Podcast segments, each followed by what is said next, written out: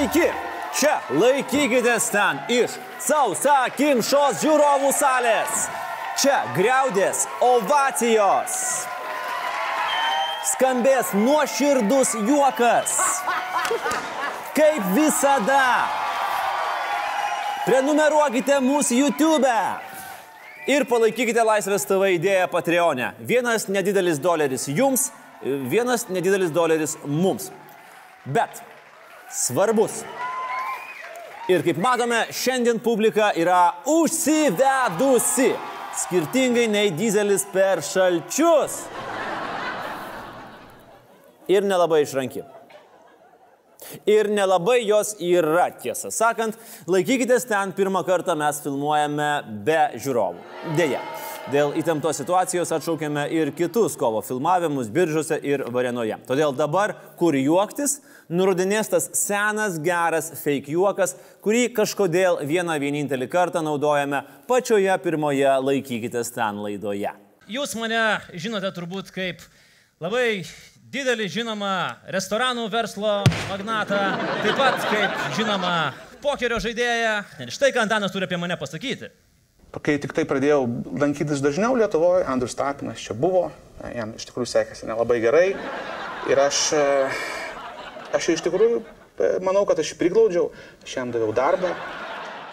Aš dar pamenu, mes montuojam pačią pirmą laidą ir aš taip sakau, čia dedam juoką, čia dedam juoką, į čia dedam juoką. Ir buvo juokinga labai. Su žiūrovais ar be, bet nuotaika yra gera, nes ypatinga diena, ypatinga laikykitės ten. 30 laisvės akimirkų, 30 metų, kuriuose prisiminsim kažką svarbaus, smagaus ir liūdno. 30 metų įvykių, pergalių, keistenybių ir madų. 30 mečiai, 3 dalis. Štai pirmoji - laukinė laisvė. Važiuojam. 90-ieji. Mūsų 30-metis prasidėjo kartu su pavasariu. Aišku, būtų visai nieko, jeigu būtų įmanoma ir rinkimus į aukščiausią tarybą surenkti anksčiau ir nepriklausomybę atkurti, pavyzdžiui, vasario 16. Nu tada būtume šventę du viename. Bet du laisvadieniai geriau negu vienas. Iš kitos pusės galėjo viskas pasisukti kitaip ir dabar švestume kovo 12, kadangi visi balsavimai ganėtinai užtruko ir už aktą buvo nubalsuota jau artėjant vidurnakčiui.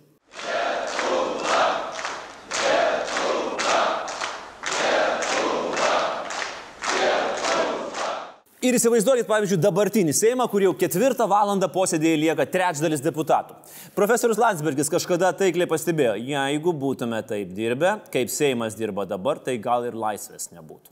Sovietai aišku susinervino po mūsų nepriklausomybės, nors kartojo patys savo, kad viena krekždė dar ne pavasaris, atna lastačka iš šio nevisna, bet matyt jau jautė, kad tuoj, tuoj pradės birėti. Jo labiau, kad mm, buvo pavasaris, kovas. Ir jie nusprendė bus pamokyti. Ne teorijos, o praktikos. Jungia taip, kad viską atjungia. Dujas, kūrą, pramonę žaliavas. Pamoka buvo gera. Išmokom atsilaikyti. Ir kai dabar pasaulis kalba apie ekonominę krizę, mūsų tėvai ir seneliai tik guščioja pečiais. Ta prasme. Šilto vandens yra, dujos virikliai dega, benzino gali bet kada prisipilti. Apie ką jūs čia kalbate? O mes tada išmokame dalintis. Išmokame įpilti į benziną kažkokių magiškų priedų, kurie pakeldavo oktaną.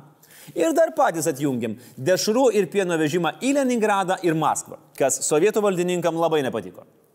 90-ųjų pavasarį sovietų desantininkai pirmą kartą pabandė užimti spaudos rūmus Vilniuje.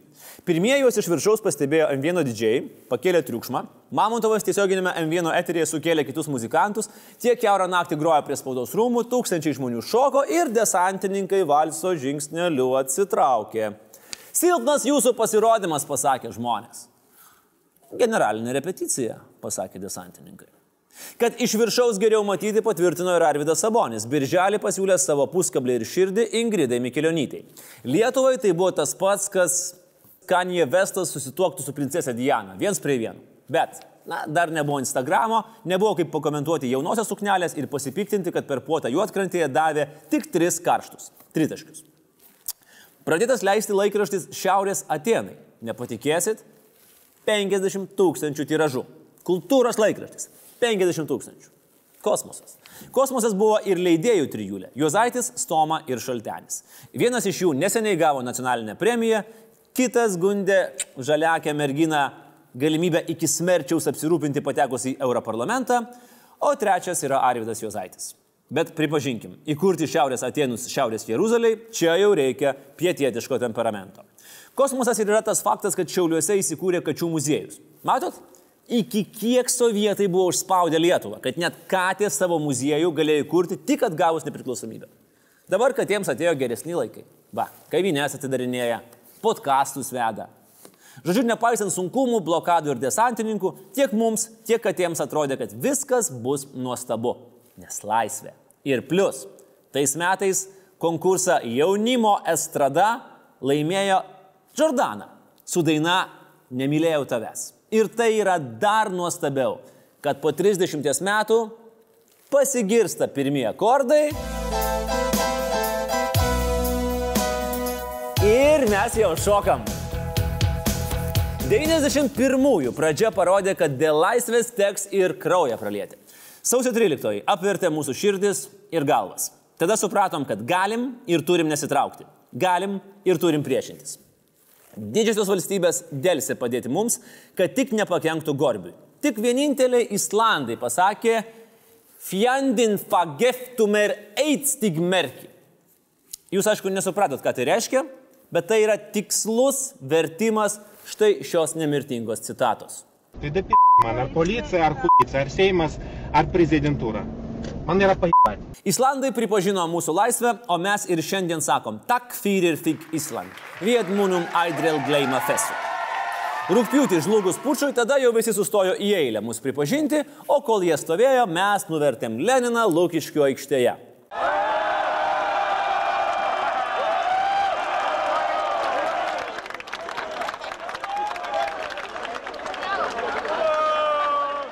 Nuvertėm ir iki dabar aiškinamės, ką čia pastačius vietoj jo.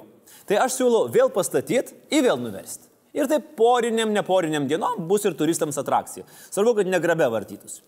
Ant Seimo stogo buvo įrengta Norvegų ryšio įranga, kuri leido Lietuvai savarankiškai prisijungti prie interneto. Pasigirdo pirmasis lėtas, lėtas, bet tautinis. O jau kitą dieną Lietuvoje pirmą kartą nuskambėjo klausimas, aš internetą ištryniau, skambink anukui, klaus, ką daryti. Įsivedėm savo pinigus, laikinus.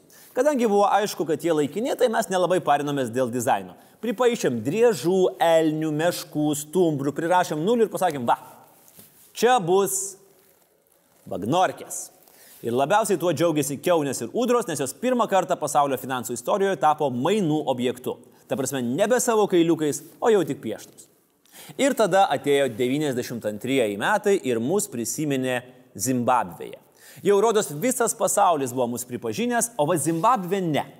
Kokia tavo tempė guma, visa Lietuva įsitempusi laukia ir štai. Kovo 17-ąją nuskambėjo bažnyčių varpai, sugaudė fabrikų sirenos, o vaikams buvo laisva nuo pamokų diena.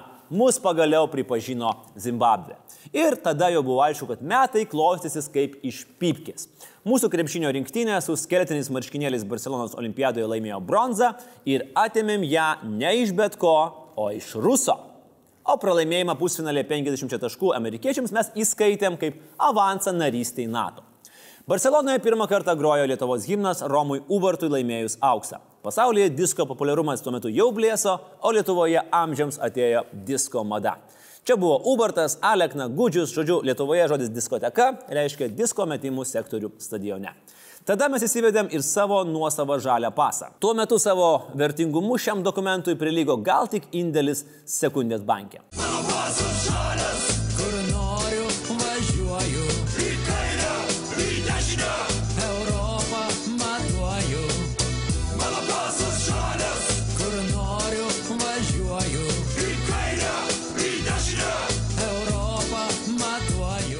O dabar jauni lietuvaičiai tikisi, kad greitų metų bus įvestas kitoks žalias pasas. Problema buvo, kad gyventi buvo ne kažką. Hiperinfliacija buvo tokia, jog Remarko juodojo obelisko herojai galėjo pavydėti. Banditai vogė viską, įskaitant policijos mašinas. Seimas susidėjo taip, kad Patackas pylė į akį valatkai ir sakoma, kad tai davė pradžią tradiciniams kanapinio ir lašininio muštynėms varant žiemą iš kiemo. Vėliau kairė ir dešinė pusės ėmė posėdžiauti atskirai ir jau teko skelbti naujus rinkimus. Jų metu mes referendumu patvirtinom konstituciją. Čia gera naujiena. Bloga buvo ta, kad rinkimus triuškinančią persvarą laimėjo komuniagos persidažę į LDDP. Laimėjo tiek, kad jiems net pritrūko sąraše žmonių parlamentarų kėdėms užpildyti. Todėl rinkimų naktį gerokai trūktelėjęs vėlionis rašytojas Petkevičius atvarė į liberalų būstinę, kuris šalia buvo LDDPistų ir norėjo mainyti butelį į kokį politiką. Liberalai nesutiko. Eligijus Masiulis tada dar buvo vaikas. Paprasti tai buvo laikai. Paprastas ir humoras. Visi prilipę prie LTV ekranų laukia penktadienio, kada pasirodys kultinė Benski šou. Benski šou, Benski šou, visi žiūri Benski šou. Labas vakaras Lietuva, vėl jūsų namuose Benski šou. Ir ypatingai norėčiau pasisveikinti su visais moksleiviais bei studentais Hilau jaunimėlį, nes šį vakarą mes rodysime tik jums. Eh, geras humoras tada buvo, toks paprastas, nepersuktas, tiesiai šviesiai sakydavau. Artūras Orlauskas iki šiol tęsia geriausias Benski šou tradicijas. Būtų jokingiausias Artūras ant Marijos žemės, aišku, jeigu nebūtų Zuoko. Nors ne. Benski žiūrėjo ne visi. Visi žiūrėjo Santa Barbara per pirmąją komercinę televiziją Tele3. Ir mokėsi anglų kalbos kartu su sesute Barbara. Pamenat? Speak. Listen. Speak. He is there. He is there.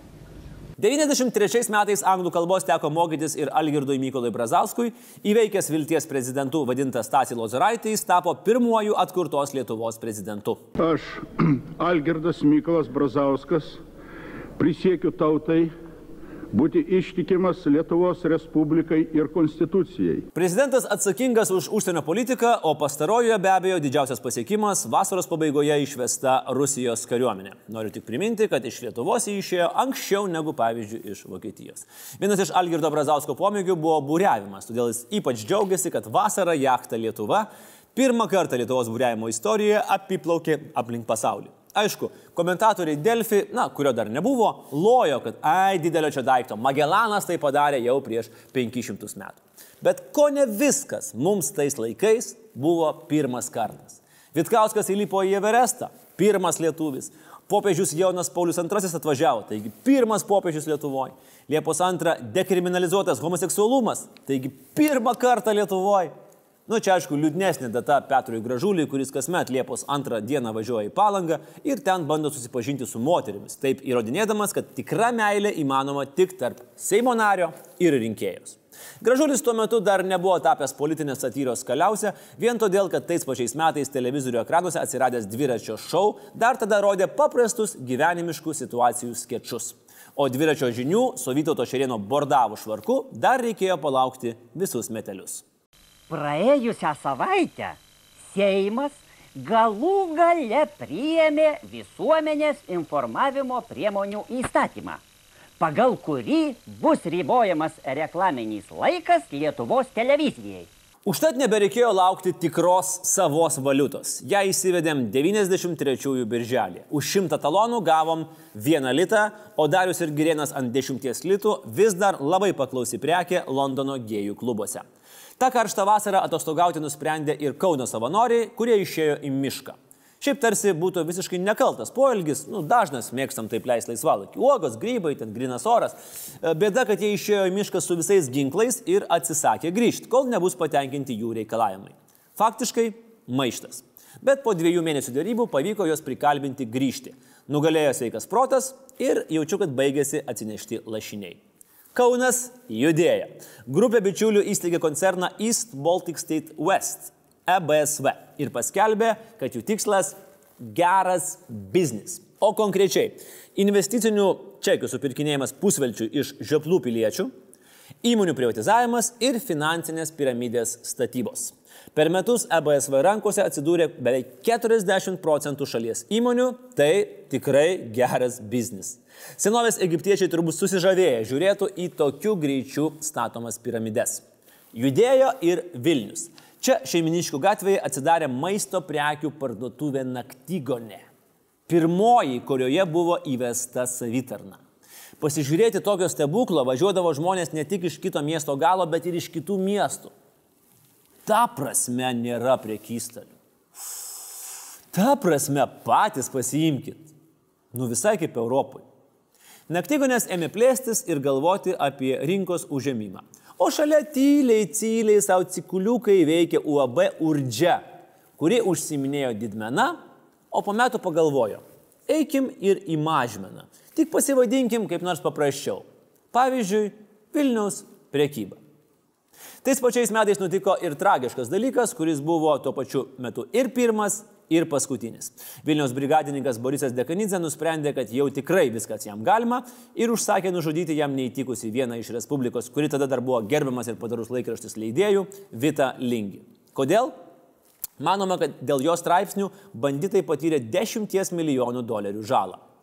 Po metų Dekanidze suprato, jog gal ir ne viskas jam galima, o jau visiškai tuo įsitikino, kai 95-aisiais buvo pastatytas prie sienos ir Lietuvoje įvykdyta paskutinė mirties bausmė. Na, išskyrus dar vieną politinę mirties bausmę, bet apie tai vėliau. Stuktelėjo 94-ieji ir sausio vidury Lietuva gavo naują metinę dovaną. Į populiarumo piką kylantis agentas Paulauskas, Artūras Paulauskas, visiškai naglai, svetimoji valstybei, Minske, tiesiog įsisaudino į mašiną ir parsivežė Lietuvon sausio 13-osios talkininkus Jermalavičių ir Burokevičių. Gaila, kad ne bagažiniai, gaila, kad tai padarė sausio 15, o ne 13, na bet, žinot, dovanotiems komuniagoms į dantis nežiūrima. Juolab, kad atsirado ir kitų problemų. Vos prasidėjo metai, o mes galėjome pasigirti pirmuoju tikrų teroristiniu aktu. Iki šiol neišaiškinti piktadariai susprogdino geležinkelio tiltą per Bražuolės upę. Ta prasme, sprogimų turėjom ir anksčiau, ir netgi nemažai. Banditai sprogdino verslininkus ir vienas kitą, kažkas bandė sprogdinti Lietuvos ryto redakciją, seksualumo bombas pradėjo sprogdinti pirmosios banditų draugės, bet vad į tilto konstrukcijos nekaltybę pasikesinta pirmą kartą. Laimiai niekas nenukentėjo. UNESCO Vilniaus senamestį pripažino kultūriniu paveldu kaip unikalų įvairių architektūros stilių - gotikos, baroko, neoklasicizmo raizginį. Palaikykit mano alų, pasakė lietuviai ir atidarė naują raizginį. Gariūnų turgų, kuriame raizgėsi dar daugiau stilių stiliukų, tiesa dažniausiai iš Kinijos. Gariūnuose, gariūnuose smagu, lytis mylintis eltavom kartu, ten viską pirkdavom mes papigiai ir meilę sucikau šeštoj eiliai. Taip, dainavom ir tokias dainas. Ir apskritai, prekiauti mums patiko, todėl labai nemalonus surprizas buvo pirmą kartą įvestas PVM. -as. Tada jis buvo 18 procentų ir nuo to laiko visos valdžios muščiasi į krūtinę, kad jį mažins, o gal ir visai panaikins. E, Dabar jis yra 21 procentas, nes prieš 12 metų buvo krizė ir jį laikinai padidino. Tas laikinumas yra kaip kirkilas Seime. Tiesa, šį rudenį gali pasitvirtinti sena tiesa, net ir patys ilgiausi laikinumai kažkada baigėsi. Arba Kirkilas bus kaip Anglijos karalienė, įpergyvens mus visus. Į Europą mes bandėm įsiveršti per Euroviziją, bet Ovidijus Višniauskas gavo nulį su savo lopšinė. Ir amžiams įvarė mums Eurovizinį kompleksą, kurio neišgydo nei psichoterapijos sensai, nei gydimas elektra ir netgi neišgydo homeopatiniai žirniukai. Svaigų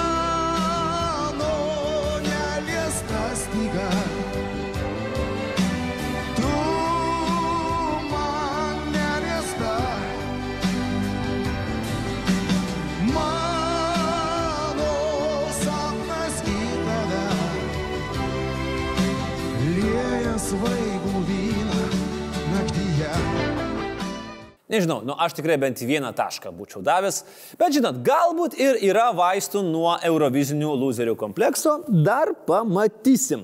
Metai beje baigėsi gana įtartinai, kadangi ėmė birėti bankai. Iš pradžių Apus, ateities bankas, po to sekundė ir pastarojo reklaminis šūkis - reikia pinigų, pinigų yra! Iki šiol varo nervinį tiką indėlininkams. O kaip 94-ieji pasibaigė, taip penktieji ir prasidėjo. Na, nebent pasikeitė mados. Bankai lenkėsi vienas po kito. Iš pradžių kredito, tada Nidos, tada kooperacijos, tada Aura bankas, tada Lietuvos verslas, tada Baltic Bank ir pagaliau du gigantai - akcinis inovacinis ir Litimpex. Tie dar bandė prieš bankrutuodami susijungti, nu maždaug vienas šlubas kairė koja, kitas dešinė. Gal kaip nors nušokuosim, bet Auditas padarė skrodimą, pamatė, kad kojos gangrenavusios, tai užspaudė nosį užsiuvo ir liepė laidot, kol dar neužkrėtė viso finansų sektoriaus. Banko auka tapo ir premjeras Adolfas Šleževičius, kuris pasiėmė indėlį iš banko, nu vad kaip tik prieš pat, prieš pat dienelę, prieš pat bankui griūnant. Šleževičius gynėsi, kad čia grinas sutapimas. Premjerams Lietuvoje dažnai nutinka tokie sutapimai. Tai indėlį laiku atsima, tai keliukas atsitiktinai išsiasfaltuoja. Kas geresnio premjerė? Na, keliukas geresnis. Bet tas tik net Brazauskas Šleževičium nepatikėjo, nors būtent jis ir siūlė prieš dviejus metus jį į premjerus. O premjeras, mm, mm, premjeras, mm, mm, koks jis buvo nuostabus premjeras. Aš būčiau labai neteisus ir neatviras, jeigu sakyčiau, kad aš pasiūlius ekscelencijai Brazauskui man tas pareigas, aš jau aiškiai turėjau savo veiklos programą. Tai būtų lengvabūdiška. Turėjom treninginį premjerą, dabar turim lizinginį premjerą. Oh well, taip mums ir reikia. Bankų krizė skirto žmonėms ir per nuotaiką, ir per kišenės. Todėl daugelis tik pavydžiai žiūrėjo į pirmuosius mobilius telefonus, bet apie tokius net svajot nedryso, nes kelis litus kainavo ne tik išeinančio, bet ir ateinančio pokalbio minutę. Įsivaizduojat, mama tau paskambina ir pradeda pasakoti su smulkmenom, kaip vakar raugė agurkus, tada pritruko krapo, ėjo į parduotuvę, pakeliui susitiko stasę, ją įsivaizduoja išsėtinę sklerozę, daktarai dabar tokie, kad bet ką nugydys ir kai mama baigia pokalbį, tu pamatai, kad jau reikia eiti į banką kredito mobiliako sąskaitai apmokėti. O bankų tai nėra. Todėl žmonės blogą nuotaiką verčiau varė šalin pigesniais malonumais kad ir baliaus kasetėmis, kurios debitavo 300 tūkstančių tiražu.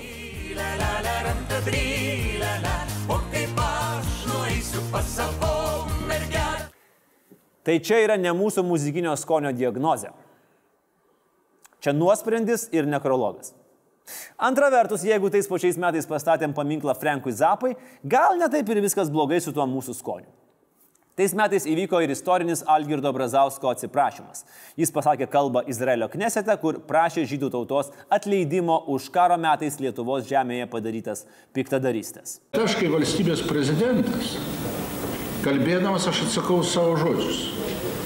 Ir aš žinoma, tiek, kiek nuo manęs priklauso pagal mano konstitucinės teisės ir įgaliojimus, aš pasistengsiu, kad būtų šitas darbas vykdomas kad tų dėmių tarp mūsų nebūtų. Ir tada galvojom, kad po šito mūsų santykiai su žydais eis kaip iš pypkės. Bet praėjus 25 metams prie žydų bendruomenės namų Vilniuje vis dar atsiranda svastikos.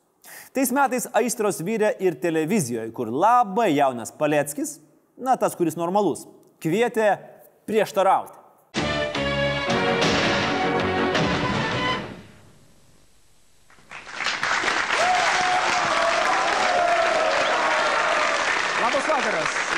Vakaras tikrai tokio sutikimo senai nebuvo. 96-ųjų pradžioje Adolfas Šleževičius neištvėrė šaltuko santykiuose su Brazausku ir atsistatydino. Taip mes netekom aukščiausio premjero Lietuvos istorijoje, su juo net nereikėdavo užsienio svečiams aiškinti, kad mes esam krepšinio šalis.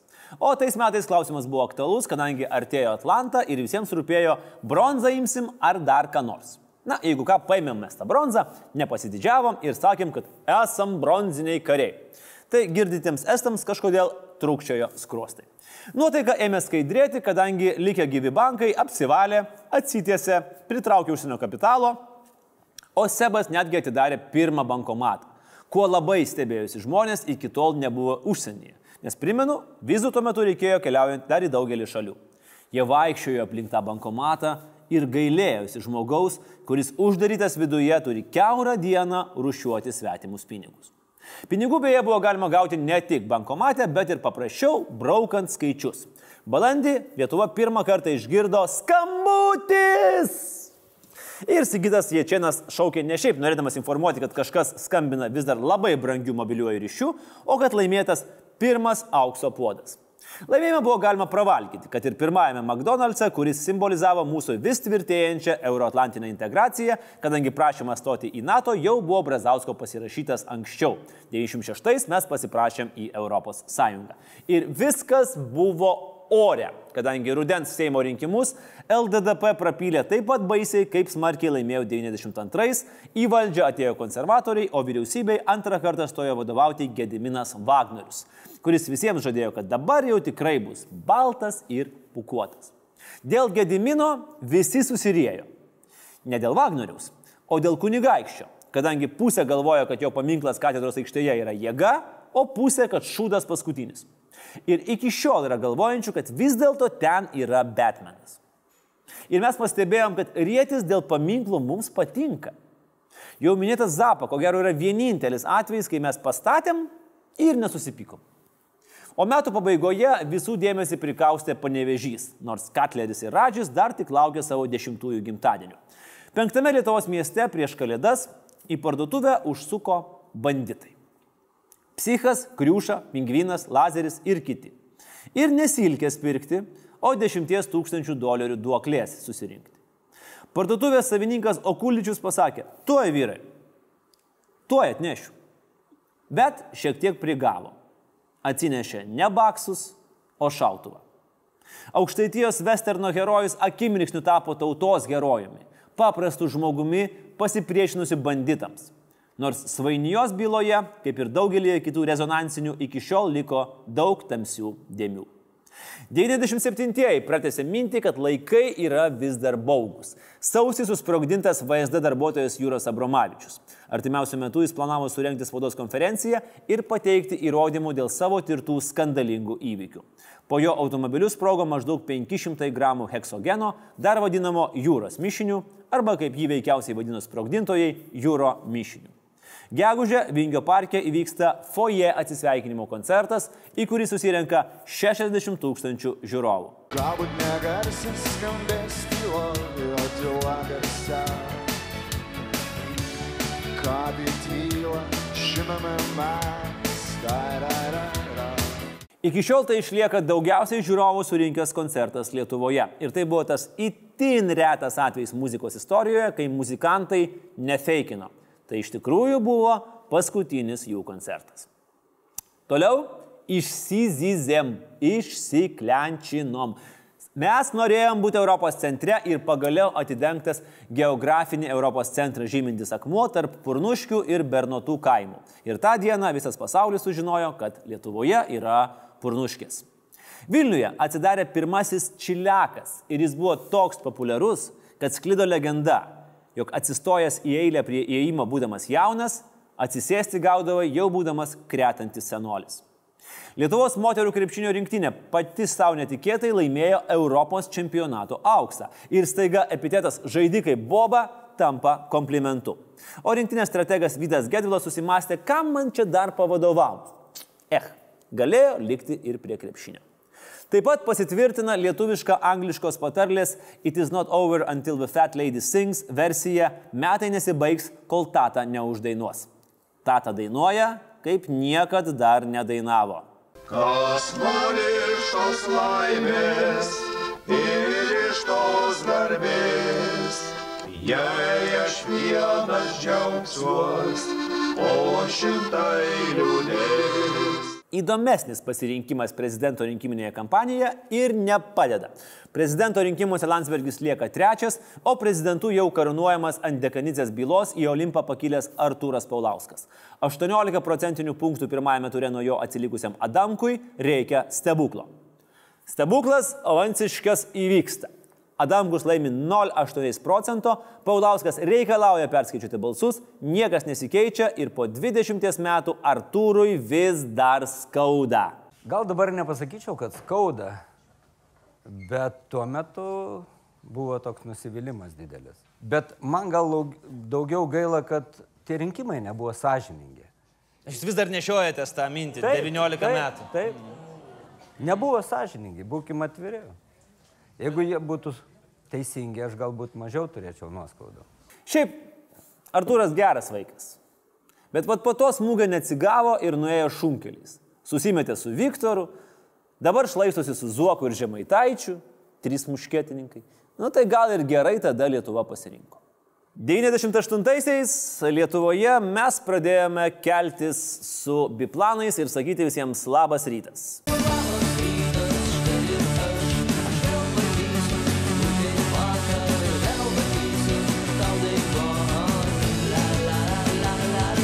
Ir šiaip 98-ieji buvo dviračio metai. Ne, tai nereiškia, kad tais metais imtos rodyti dviračio žinios. Visi puikiai žinom, kad jos pradėtos kažkur 19 amžiaus vidury. Ne, Edita Pučinskaitė nugalėjo Tour de France lenktynėse, o Diena Žiliūtė tapo pasaulio čempionė. Po metų beje situacija pasikeitė kardinaliai. Ta prasme, absoliučiai kardinaliai. Pasaulio čempionė tapo Pučinskaitė, o Tour de France nugalėtoja Žiliūtė. Įvykdytas pirmasis itin stambus valstybinio turto privatizavimo sandoris. Privatizuotas Lietuvos telekomas, o Lietuva įgyjo naują bendrą priešą. Nebe rusą, Suomiją. Jaunime, nueikit prie senelių. Ne prie senelių, o prie senelių. Dabar, dabar nueikit, aš va, pastabdysiu įrašą ir palauksiu. Ir paklauskit. Nuėjot jau? Nu gerai, nueikit ir paklauskit, ką jie galvoja apie tapijo parmą. Ir stebėkit, kaip ima tvinkčioti jų akies vokas. Nes panaikinęs nemokamus telefono pokalbius, jis buvo labiau nekenčiamas suomis, negu kalėdų senelis yra mylimas suomis. Revoliucija prasidės nuo Kauno, ji turbūt ir prasidės. Aš pasiryžęs viskam. Protesto akcijos dalyviai reikalavo atšaukti pokalbių telefonu apmokestinimą. Žmonės šturmavo pastato duris, reikalavo susitikimo su meru, kuris taip ir nepasirodė. Kaip matome, protestavo dėl telefonų ir veržėsi pas merą ir kad ir kokie sunkus tuo metu buvo laikai, bet bent jau Vytautas Šustauskas turėjo darbą. Beje, įdomus faktas. Spėkit, kas buvo Tapijo Parmos viceprezidentas Telekome? Dėmesio, trys variantai. A. Gintautas Sabonis. B. Gintautas Bražionis. C. Gintautas Pangonis. Taip, tai į kuršių manęs prišykęs Gintautas Pangonis. Sveikinam ir mano žavioji asistentė tuoj atneš jums knygą. Oi, ne ta laida, bet vis tiek. 98-ieji buvo pažymėti ir ryškiomis nelaimėmis. Nužudytas kunigas Mikutavičius, draučiuose įvyko masinės žudynės, o plateliuose didžiausia aviakatastrofa, kai į ežerą vestuvių metu nukritus sraigtasparniui žuvo 11 žmonių. Galiausiai tais metais Lietuvos ekonomika gerokai papurtė Rusijos ekonominė krizė. Taip, buvo tokie laikai, kai Rusijoje krizės ne tik prasidėdavo, bet ir pasibaigdavo. 99-ieji prasidėjo baliais. Rotušėje pirmą kartą buvo surinktas vienos pokylis. Po rotušės langais tuo metu riekavo to paties maestro Šustausko sukviesti ubagų baliaus dalyviai. Štai į balių, žemaičiai į balių,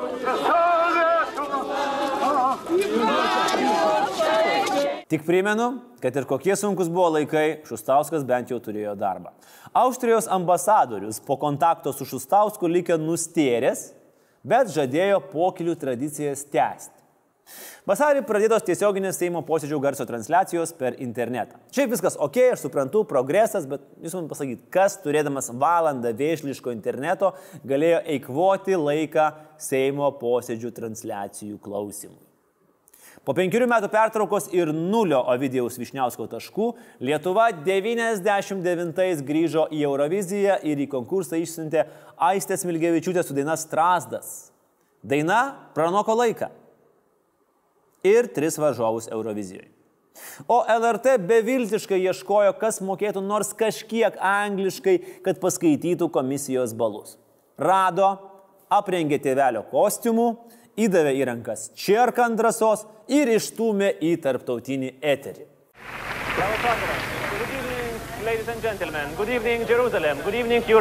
Kaip matome, nuo to laiko pranešėjo karjera ėjo tik žemyn.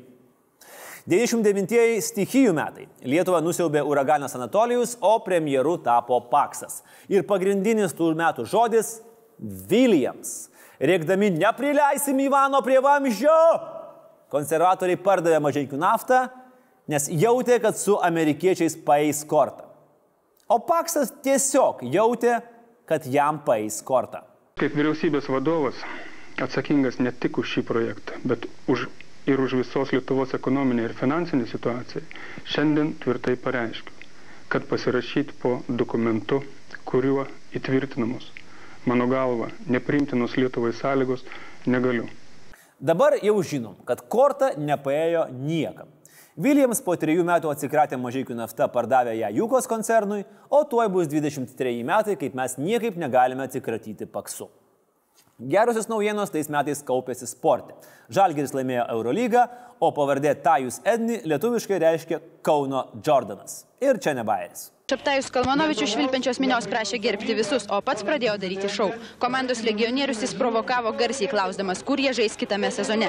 Minė be abejo skandavo, kad žalgeryje, o legionieriai nutilėjo. Įkaitę žalgeriečiai dėkojo gerbėjams ir demonstravo iš laimės plikai nuskustas galvas. Tam reikalui paminėti visi nusiskudom plikai. Lietuvos futbolo rinktinė žaidė draugiškas rungtynės su Argentina. Argentinoje. Ir sužaidė 0-0. Nu, čia jau kaip ir Bairis. Pasanetti, demasiado frontal. Casi Palermo. Insiste el Kili. Levanta González Palermo. Leusas. Beje, galima jūs matėte paskutinį kartą, kai mūsų futbolo rinktinės vartininkas rodė vo. Šios rungtynės tikrai pakliūtų į Pauliaus Ambrazevičiaus kažkada sugalvotą, bet niekada neįgyvendinta didžiausių Lietuvos futbolo rinktinės pasiekimų DVD - legendinės lygiosios. Ir visas dešimtmetis, galima sakyti, buvo legendinės lygiosios. Po puikaus starto mes kelis prasileidom, netgi buvom atsidūrę besivėjančių vaidmenyje, netgi abejojom, ar apskritai mes į tą pusę varom. Kaip sakė Dickensas, tai buvo geriausi laikai, tai buvo blogiausi laikai. Tai buvo laukiniai ir nepakartojami laikai. Ir mes pavydim tos kartos žmonėms, nes šanso kurti valstybę nuo nulio daugiau nebus. Tikėkime, kad daugiau nebus. Valstybė klydo, taisėsi, bandė, mokėsi. Bet jau nebesidairė atgal, nes priekyje laukė dar daug didelių nuotikių.